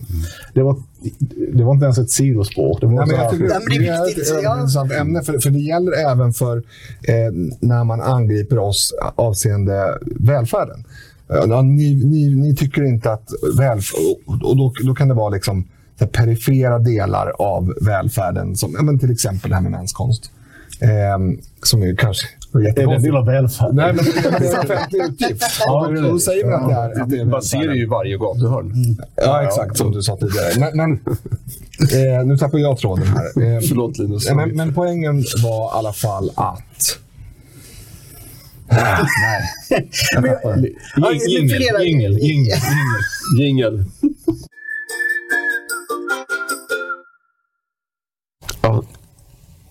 Jag tycker det är viktigt det du sa eh, att liberaler inte är liberala. För det, det, det, det är en sak jag går och funderar på hela tiden. Och det har jag gjort sedan Eskilstuna-Kurirens redaktör sa att återkommande knytnävsslag är bästa reaktionen på sverigedemokratiska argument. Och för mig är det stalinism, det är totalitärt, det är så långt ifrån liberalism man överhuvudtaget kan komma. Var det Alex? Vad, ja, vad han nu heter. Vad, vad, men, vad menar han med knytnävs? Alltså... Ja, återkommande knytnävs det är svaret som man ska ge Sverigedemokrater. Ingen, ingen substans, det, det, ingen argument. Fast det var Alex Voronov. Ja, den här Eskilstuna. Ja, jo, jo, han är ju känd. Ja, precis. Men, och han är kvar. Så att det, det är liberala krafter som ligger bakom Eskilstuna-Kuriren backar ju upp den här ståndpunkten. Och det, jag tycker det, du nämnde en sak, det här är ett annat exempel där de inte står för yttrandefrihet och öppen och fri åsiktsbildning. Jag tycker det börjar mer och bli, mer bli så att upplysningstraditionen som jag nämner för att inte eh, man ska vira bort sig. Liberalt är ett sånt svårt ord.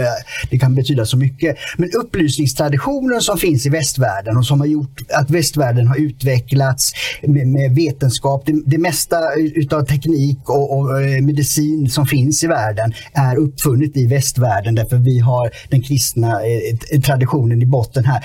Och, och eh, den här upplysningstraditionen, jag upplever att det bara är konservativa idag som försvarar den. Mm. Medan liberaler har gått över på kommunisternas och islamisternas och andra sidor som vill riva ner. Och hela postmodernismen handlar ju bara riv ner. Tänk på det, postmodernisterna, de pratar, det enda de är ute efter, normkritik, allt det här, det är bara att riva ner. Allt utav mm. den västerländska upplysningstraditionen ska rivas ner. Och det gör ju eh, till exempel Eskilstuna-Kuriren här också. Det tycker jag vi borde diskutera mer. Liksom, eh, vem är det som står för de sanna värdena för den kultur och civilisation som vi lever i och vill leva i? Vem var, det var någon amerikansk president, var det Ronald Reagan möjligen, som sa att om fascismen någonsin återkommer så kommer det vara i form av liberalism. Mm. Mm. Det, det, är ju ja, det är väldigt, väldigt, väldigt liksom nära till hands att, mm. att fånga upp det idag. Mm. Det var någon amerikansk president som sa det där i alla fall. Jag tycker att det är, för det är precis, precis ja. det du tar upp här. Mm. Att man, har sån, man, oh, man är så toleranta mm. mot allt utom det man borde vara tolerant mot. Exakt. Och, och där, där, kommer vi in på det som jag faktiskt tappade ja, förut. Och, och det, det är att man inte förstår, jag vänder på hela steken istället, man förstår inte att det man säger sig kämpa för, eh, fortsatt högt skatteuttag i någon mening, åtminstone i relation till andra länder, och därmed en stark välfärd, det är grundat i en hög grad åtminstone av homogenitet av kulturell homogenitet inom nationens gränser. Eller inom beskattningsområdets gränser, alldeles oavsett vilket beskattningsområde det är. Men men det, det, har man liksom, och det där har jag inte landat i huruvida det är oförstånd eller galenskap. Det, det, måste vara någon av de två. Antingen förstår man inte det här, men det är ganska enkelt. Mm. Alltså det är ganska enkelt att se att ett land med väldigt många öar av olika kulturella sfärer som inte interagerar eller åtminstone inte känner lojalitet till varandra kommer aldrig kunna ha en centralt styrd välfärd. Utan de kommer ta hand möjligtvis om varandra. Mm. Eh, klan 1 tar hand om eh, mormor från klan 1. Klan 4 mm. tar hand om mormor från klan 4. Du, du, kan inte ha en, en fungerande liberal demokratimodell nej, heller. Nej, precis. Utan du behöver ha en... Jag vet när jag läste demokrati, jag läste modern demokratiteori på universitetet. Eh, och då, pratar vi om feministisk demokratiteori, om mångkulturalistisk demokratiteori. Det handlar om just det här att, att när, när den liberala demokratimodellen blir mer och mer obsolet så måste man hitta sätt att, att, att ändå ha kvar demokrati. Mm. Och då måste man börja ta hänsyn till till exempel polyetniska krav. Eh, alltså olika rättigheter för olika etniska, kulturella grupper, mm. religiösa grupper. Annars kommer samhället inte att, att liksom, ja, hålla ihop, i fel uttryck, men vi kommer inte kunna ha den här enheten kvar mm. längre. Mm. Och då är ju hela rättsstaten hotad. Mm. Så, ja, men du är, jag tycker att du är lite lite här i huden. Du har lite makare än jag, så du har rätt till att göra det här, men inte jag. Alltså det är ju, det är ju helt... Ja, det är ju så främmande. Mm. Alltså det, det, finns ju ett kommande behov av ett rasbiologiskt institut om man går vidare på den linjen. Mm. Ja, det, så, sossarna skulle ju... Eh, de var ju inne på rätt spår redan för hundra år sedan. De ville det här redan för hundra år sedan. Ja, just det. Ja, faktiskt. Vad bra så att ni förstod skämtet till slut. Ja. Det, det går ju inte att ha Nej, det, det är ju sinnessjukt. Alltså, de som säger, de som säger sig avsky rasism, mm. de håller på med samma sak själva. Ja, de börjar ju gallra ja. allting efter mm. hudfärg nu. Ja. De som ja. säger sig vara antirasister, det är ju de som bara räknar det. Ja, men så får vi ta ett, ett exempel som är, jag, upplever, jag tror ändå att det, folk verkligen kan relatera till det. Melodifestivalen. Ja, den här killen Tusse, som är en helt fantastisk snubbe. Både, han är så här... Ingen aning. Men det är... Nej, men jag tittar på det här programmet. Jag, och, som, de, allra, de allra flesta människor i Sverige gör det. Linus. Ja. Och jag tyckte han var så fruktansvärt bra. Min son går och sjunger på den här låten. Liksom, och, så, eh, och Visst, man kan säkert tolka in politiska budskap i den. Jag tyckte det var ett trevligt budskap att alla röster har rätt att höras. och så Ett fint budskap. Liksom. Vem är det som pratar om vilken hudfärg den här killen har? Ja, jag har inte ens reflekterat över vilken hudfärg den här snubben har. Utan det är ju så här ledarskribenter mm. på de stora tidningarna. Mm. Det är Twitterprofiler som är förment då goda och snälla mm. och fina. Så ingen annan har brytt sig. Alltså, jag läste någonstans när, jag noterade då att det faktiskt var en debatt om hans hudfärg. Eller ja, att det var en, en parameter i det hela. Att vi har ju alltså tre år i rad nu utsett eh, då färgade personer som vinnare i Melodifestivalen. Och ändå beskylls Sverige för att vara så fruktansvärt rasistiskt. Mm. Vi har strukturell rasism och Sverige är hemskt liksom, för mm. människor som då inte är Och folket röstar för vem som vinner. Ja, ja. ja det är ju det är svenska på. folket som ja. röstar. Liksom. Så det, det, är liksom, det, det, de har ingen, det finns ingen substans i det där överhuvudtaget. Men jag har en, en annan reflektion över just det. För jag har ju läst alla de här eh, försöken till politiska poäng på vem det var som vann. För jag har ju hävdat, från att långt innan jag blev sverigedemokrat, alltså när jag blev politiskt intresserad när jag var 14 år, eh, så har jag hävdat att den som överlagt vill skapa det här mångkulturella samhället, den får också ta ansvar för följderna. Och följderna är tydliga. Det är ingen som kan säga att man inte visste om det här. Eh, varenda BRÅ-rapport eh, som har funnits på ämnet har pekat på att eh, väldigt många brottskategorier, i vissa rapporter alla brottskategorier, där finns en kraftig överrepresentation av, av migranter. Räcker det inte att säga att vi har varit naiva och vi såg det inte komma? det kan man få säga, men då, får man, då, då kommer man inte undan mig. Förlåt. Men då menar jag så här. När man försöker göra politiska poäng på eh, framgångssagor. Det spelar ingen roll om det är Zlatan, eller om det är Tusse eller vem det är. Då måste man också förstå att då får man ta ansvar för dem eh, som det går åt andra hållet för. Jag lovar att det är väldigt många fler, tyvärr. Så att den skit man har ställt till med kan man ju inte bara ta russinen Nej. Precis. Utan då får man ta ansvar för det dåliga. Ja, men det, som SVT, jag noterade det, eh, att eh, när, när de beskriver den här Vetlanda-galningen eh, som, som är afghansk medborgare. Mm. Nej, men då var ju han hemmahörande på, på, mm, Småländska höglandet. Men så tittade jag samma artikel då som de skrev om Tusse. Där det, de börjar med att han kommer från Kongo-Kinshasa. Mm. Ja, ja, och då, de, vänder de, ja. ja, och de skriver inte var han bor idag. Det, det är helt ointressant. Mm. Vilka, om han är var från, han ens? Jag har inte en aning. Han, men det är inte viktigt. Han är från Kongo-Kinshasa. Det ja, det, är det enda som är okay. viktigt. Det är det, enda du behöver bry om. Det är en intressant reflektion. Alltså, det är därför, det är därför folk uppfattar att eh, rapporteringen är vinklad. Mm. För man känner ju detta någonstans. Mm. Ja, det är Polen. På, ja, ja. Alltså, det, det finns ju studier på att polackerna då under Sovjetkommunismen var extremt skickliga på att läsa mellan raderna. Mm.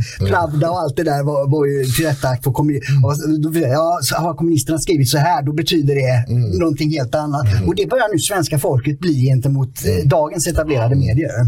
Absolut.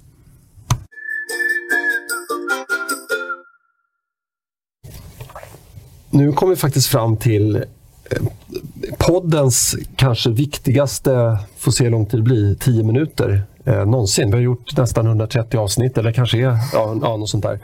Eh, det, här, det här kommer vara Eh, det, här kommer, svarar du rätt här Jimmy så, så, så kommer ju eh, Sverigedemokraterna gå upp över 30 procent. Det det någonting ja. jag, jag vill så här skamma. Man blir aldrig Ja, nej verkligen inte. Eh, utan det här är liksom eh, Ja, vi, har, vi har berört två ämnen idag som jag tycker är väldigt, väldigt viktiga. Eh, och jag, jag, känner själv en frustration i och med att jag är ganska öppen med mina åsikter och var mina sympatier ligger i sociala sammanhang. Precis. Mm. Eh, och, och, man blir lite frustrerad över att, att inte andra har förstått liksom vad, vad Sverigedemokraterna står för. Så om, om jag frågar dig så här Jimmy.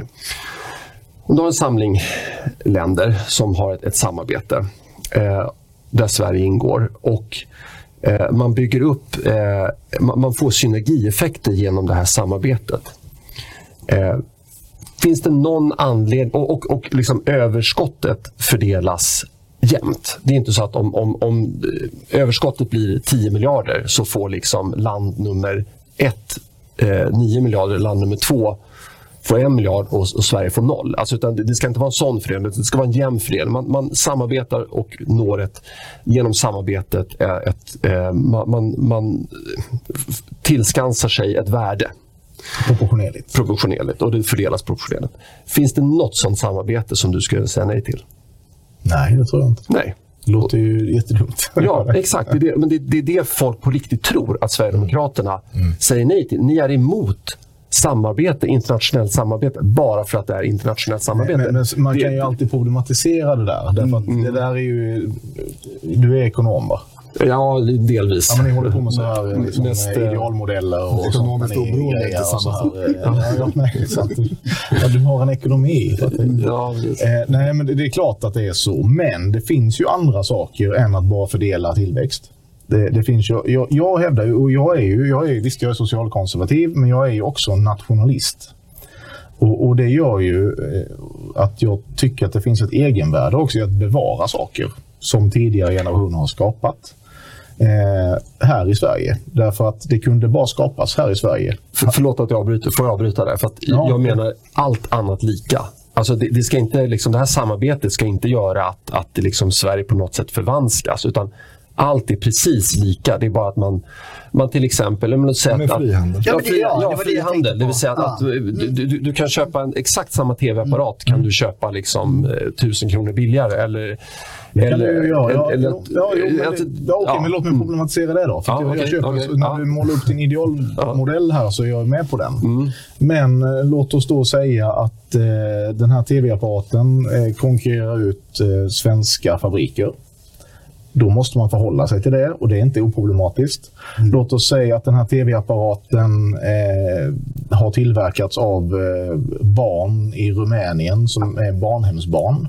Då måste man förhålla sig till det. Så det finns ju också värden. Alltså, mm. Allt kan inte mätas med pengar. Liksom. Och mm. det, det, det, tycker jag är en viktig del av just socialkonservatismen. Sen, sen köper jag, det är klart att vi ska...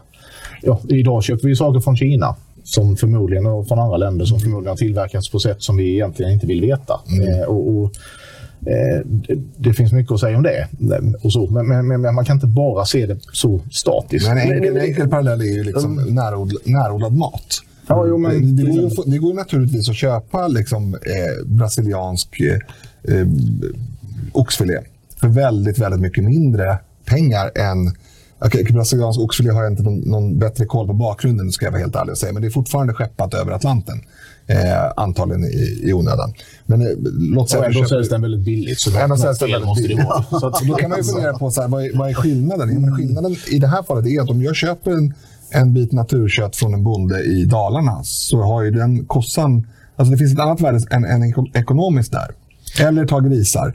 Eh, som, som där, där, Sverige har åtminstone den, bet, den bättre av liksom grisuppfödningarna jämfört med många andra länder. Ja, men det är jätte, jätteenkelt att gå och köpa mycket billigare fläskfilé eh, än en svenskproducerad sådan.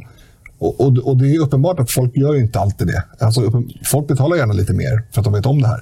Och Det är ju sådana värden som inte är ekonomiska. Nej, nej, men kan man kompensera för de värdena? Till exempel att man har en gemensam lagstiftning eller gemensamma regler kring det här. Mm. Då börjar vi tassa på federal lagstiftning, vilket jag i grunden tycker är ganska dåligt. Men ibland kan det vara bra att man kommer överens om att ska vi nu ändå handla med varandra så har vi en gemensam standard för vad man får lov att göra och inte. Till exempel antibiotikaanvändning i djurhållning. Mm. Ja, det finns ju regler i EU för att man får inte eh, hur som helst mata eh, djuren med antibiotika. Och vi följer det här i Sverige. Men alla länder följer inte det. Och Det är förklaringen till att vi kan köpa det så billigt. Mm. Och då, då, så ska vi fortsätta göra det då. Liksom. Nej, jag, jag, nej. Jag, Nej, så, sen, det- men, så ja, finns det ja. också då ett rätt, rättvise... Förlåt att jag använder det här begreppet nu, men det finns en rättviseaspekt på det också. Därför att eh, det här med att, att saker och ting tillverkas på ett billigt sätt i andra delar av världen. Det må ske ja, för att man inte tar hänsyn till miljö eller andra sociala aspekter och sådär. Det har ju också höjt levnadsstandarden för människor i vårt land eh, som inte tjänar så mycket. Man har råd att köpa sin oxfilé för att den är från Brasilien. Och inte så här. S- s- Det, är, det, är, det är inte lätt. Nej. Det är egentligen det som är min Ja, poäng. men- man måste hela tiden förhålla sig till Ja. de här sociala värdena också som, som eh, inte finns kanske när man läser nationalekonomi på universitetet, vilket jag också har gjort. Ja, jag har bara läst eh, A-kursen. Jag faktiskt. Jag är civilingenjör och det är därför jag vill se det här som ett, liksom, en, en, en, en mekanisk process. Alltså, jag, jag menar verkligen allt annat lika. Jag menar verkligen att den svenska bonden ska ha kvar sin gård, inte ska utkonkurreras av, av internationell konkurrens. Men vi kan ta någon så här... Då uppstår inte den här vinsten. Nej. Nej. Ja, ja, men det kan du göra om man till exempel känner till eh, SI-systemet, metersystemet. Där har länder samarbetat om, jag vill säga det här är en meter. Kan inte du gå och berätta för amerikanerna? Jo, men jag, det. nej, exakt. Det är det vi inte... Det är det vi inte och det var faktiskt en internationella golfförbundet också behöver vi veta, Ja. för de använder fortfarande Yards? Ja. Precis. Så att, sådana samarbeten där det bara finns vinnare. Alltså på riktigt, jag tror att väljarna där ute på riktigt tror att, att Sverigedemokraterna är emot det. Bara för att vi hade, vad hade vi på vår tid? Var det en varplängd eller ett stenkast? Men, Ja, vad- det- vad- men, nej, men nu är du 25,2. Ja, liksom eh, kulturimperialist här. Varför ska hela världen anpassa sig efter vad du tycker är rimligt? Ja, just när Alltså, jag- jag- jag köper inte- jag köper inte Du, du, du tycker Alltså, jag håller med om att- me- me- metersystemet, det, det var ingen bra reform då där man samarbetar Jag, olika jag, jag är uppväxt med det och jag tycker säkert det är jättebra. Men varför ska vi åka till Amer- Amerika till exempel och tala om för dem att eh, nej, nej, nej, det, det Därför här är fel? Därför därför att de vi har en tillräckligt båtmotor som stor, är tillverkad där så blir det ett helvete. Ja, ja, det är klart det blir. Nej, jag skojar bara. Nej, men därför, därför att de, de har ju vägt för mot nackdelar. Om man tar Luxemburg, litet land mitt i Europa. Skulle de ha tjänat på att ha sitt eget system? Nej, knappast. Men, men USA, de är tillräckligt stora. Så det så där kanske inte spelar Men någon roll. Luxemburgarna, heter det så? Det finns McDonalds. De kanske blir lyckligare av att känna att vi har någonting som är vårt. Ja, men då, säger, då har de ju en, en större fördel av att... Alltså det, Erik, det du Ja. glömmer att lägga in är att, att var och en måste kunna bestämma själv om man vill byta till Ja, exakt system eller inte. Det är det som är det viktiga. ja, det är det inte att man lägger någon schablon och säger nu ska ni ha det här. Det, det är det som är imperialism. Men det är finns, som det finns fel. ju... ja, men det, då är det ju inget samarbete. Alltså, Om det är frivilligt är det ju Ja, ja, exakt. Ett Ja. frivilligt samarbete Men det är som... det som som EU har så jävla svårt ja, men jag, pratar, jag har inte nämnt EU. Nej, nej, jag har det- inte nämnt EU. Det är ju det stora projektet vi har. Va? Och det var ju från början sagt att det ska vara eh, eh, frivilligt och varje land har vetorätt. Mm. Och, och, och allt det där börjar man ju plocka bort. Därför att man vänder på det och låter toppen istället ska bestämma. Men vi, vi, Och det, det, det, det är jätte... För det, det, man kan tycka att metersystem och vad det nu är för system vi har, alltså, ja, system för att mäta sakers längd, eh, det kan ju liksom kvitta kanske egentligen. Men, men eh, principen är ju fortfarande att, och som jag tror jag inledde hela diskussionen med att säga någonstans att 100% integration, alltså 100% likriktning skulle ju skapa den största ekonomiska tillväxten. Sannolikt är det så. Eh, och då skulle en massa andra saker gå förlorat istället. Då gör vi allting likadant. Då har vi Coca-Cola och vi har McDonalds och några andra så stora. Det är deras dröm att det ska bli så i hela världen. Liksom. Ehm, och jag tror inte på det. Jag tror att det finns andra värden i att man har sin särart och att man har sitt eget språk, att man har sitt eget sätt att mäta längd på eller att man har sitt eget sätt att vara i största allmänhet. Och att det är det som gör världen så kul att vara i. Ja, men, men samtidigt så är det ju eh, faktiskt så här att eh, om, om jag skulle tillverka någonting i, i en fabrik här eh, och, och sen så skulle jag vilja hitta en köpare i Australien. Eh, och sen så säger svenska staten att nej men eh, vi, vi, vi, vi, har, vi har ingenting med dem att göra. Du, du kan liksom inte bara skicka ut varor här eh, kors och tvärs. Eh, det, det, är, det måste ju vara ändå en, en, en nackdel för, för Sverige att inte kunna ha ett, ett, ett handelsutbyte. jo, men Ja, vem har sagt frivilligt. Ja, fri, frivilligt. Och, ja, och, och det är det, det jag, jag, jag, jag kanske har missförstådd. Alltså, jag menar att man gör internationella avtal. Och Jag har inte nämnt EU. Mm. Jag kanske har nämnt ett, ett flertal länder. Att, att man har internationella avtal som gynnar Sverige. Man, är, man, man och kallar det för vad ni vill. Och, och jag ser nyckeln här. Jag, jag, jag, jag, tror inte att, met, att, vi, att vi har anammat metersystemet, SI-systemet. Jag tror inte att det Eh, det, det, är kanske inte exakt samma sak, men i alla fall, jag, jag, tror inte att det har liksom förvanskat svensk kultur. Jag tror att det, det är liksom alltså, grader Celsius ingår i metersystemet, så ja, det är högst integrerat i Sverige. Ja. Skillnaden här principiellt är ju om det, man går med i ditt system frivilligt. Eller ja, ja, ja. Det, det är hela ja, skillnaden. Ja, Gör man det frivilligt så är det jättebra, för då vill man inte så gör man inte det. Nej, men jag, jag om du säger att det måste vara så här, då... Men det har jag aldrig sagt. Nej, nej, nej, exakt. Jag vill ta det här som exempel nu, för du har inte nämnt EU. Absolut inte. Jag, jag tar EU som ett exempel. Mm. När det gäller EU så har ju eh, vår, alltså vi har ju varit väldigt stringenta från första början. Vi är positiva till bilaterala samarbeten inom eh, det som nu är EU. Och Bilaterala samarbeten det innebär att vi, varje part bestämmer huruvida de, eller det kan vara polylaterala samarbeten, varje part bestämmer om de vill vara med eller inte. Mm. Då blir det ju så när det gäller saker som kanske inte har någon större, eh, något större värde bortom det ekonomiska. Till exempel då hur man mäter eh, längd, om man inte är väldigt nostalgiskt lagd som Jimmy. Eh, nej, jag ska bara. Men, men eh, saker som man inte lägger något mer värde i, låt säga det. Ja. Blott en aln lång. Ja, ja, det, är, ja, det är sant.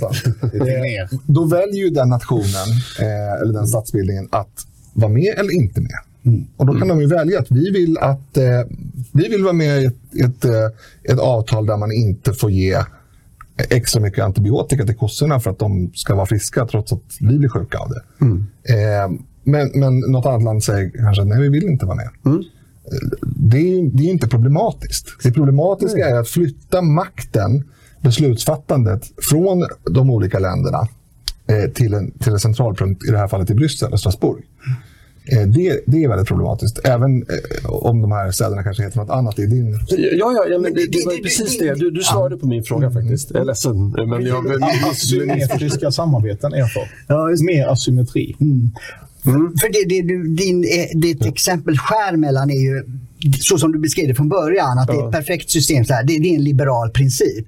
Men då kommer det konservativa. Ja, men hur praktiskt är det? Hur, hur mycket passar det för var, varje deltagare?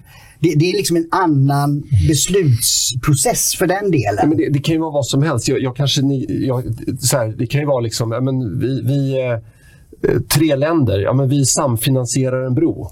Alltså det, kan, det, kan vara, det kan vara det lilla. Det inte vara, jag, jag kanske var dålig på att förklara. Men liksom, jag, det jag vill, kärnan i min fråga var liksom att, att folk tror att Sverigedemokraterna eh, per automatik, per definition, är emot att samarbeta mm. med andra länder. För att människorna som man ska samarbeta med då kommer från andra länder och ja. de tycker vi ja. inte om. Ja, ja, ja exakt. det var det liksom. En annan faktor så långt. En annan faktor i den här missuppfattningen som mm. jag tror tyvärr ganska många väljare har.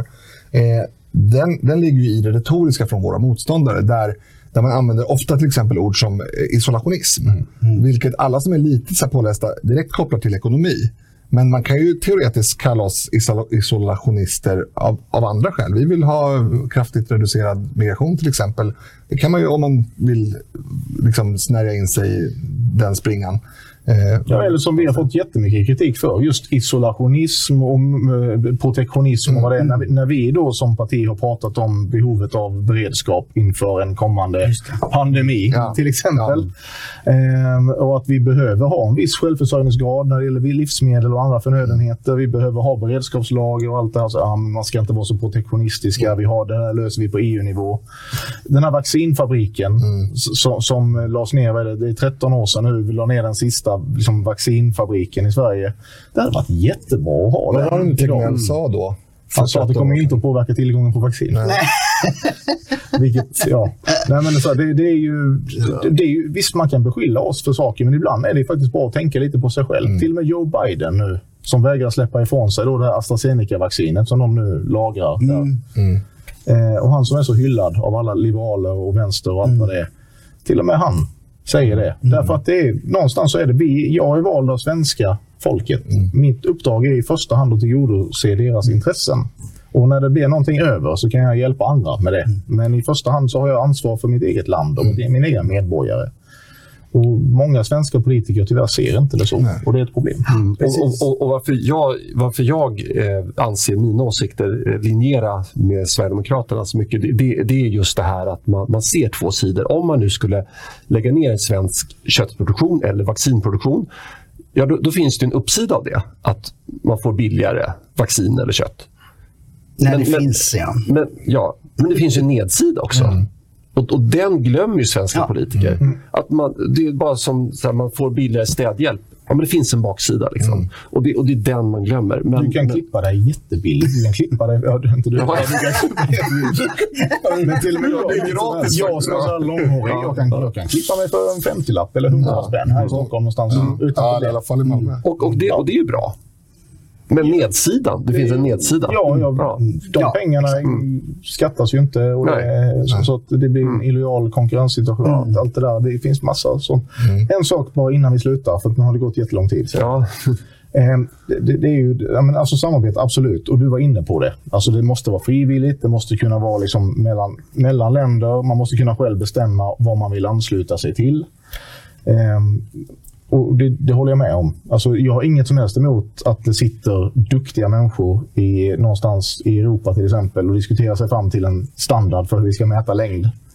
Ehm, och sen får varje land bestämma om det funkar för det landet att ansluta sig till det eller inte. Problemet är ju om vi, vi bygger en parlamentarisk institution som ska stifta lagar där majoritetsbeslut avgör om vi måste implementera någonting som då stora länder bulgariska politiker, rumänska politiker, eh, franska politiker, tyska politiker i majoritet bestämmer att vi måste göra i Sverige. Det har jag extremt svårt för. Det köper jag inte. Det är inte samarbete, Nej. men det är någonting annat. Mm. Jag är helt enig. Precis.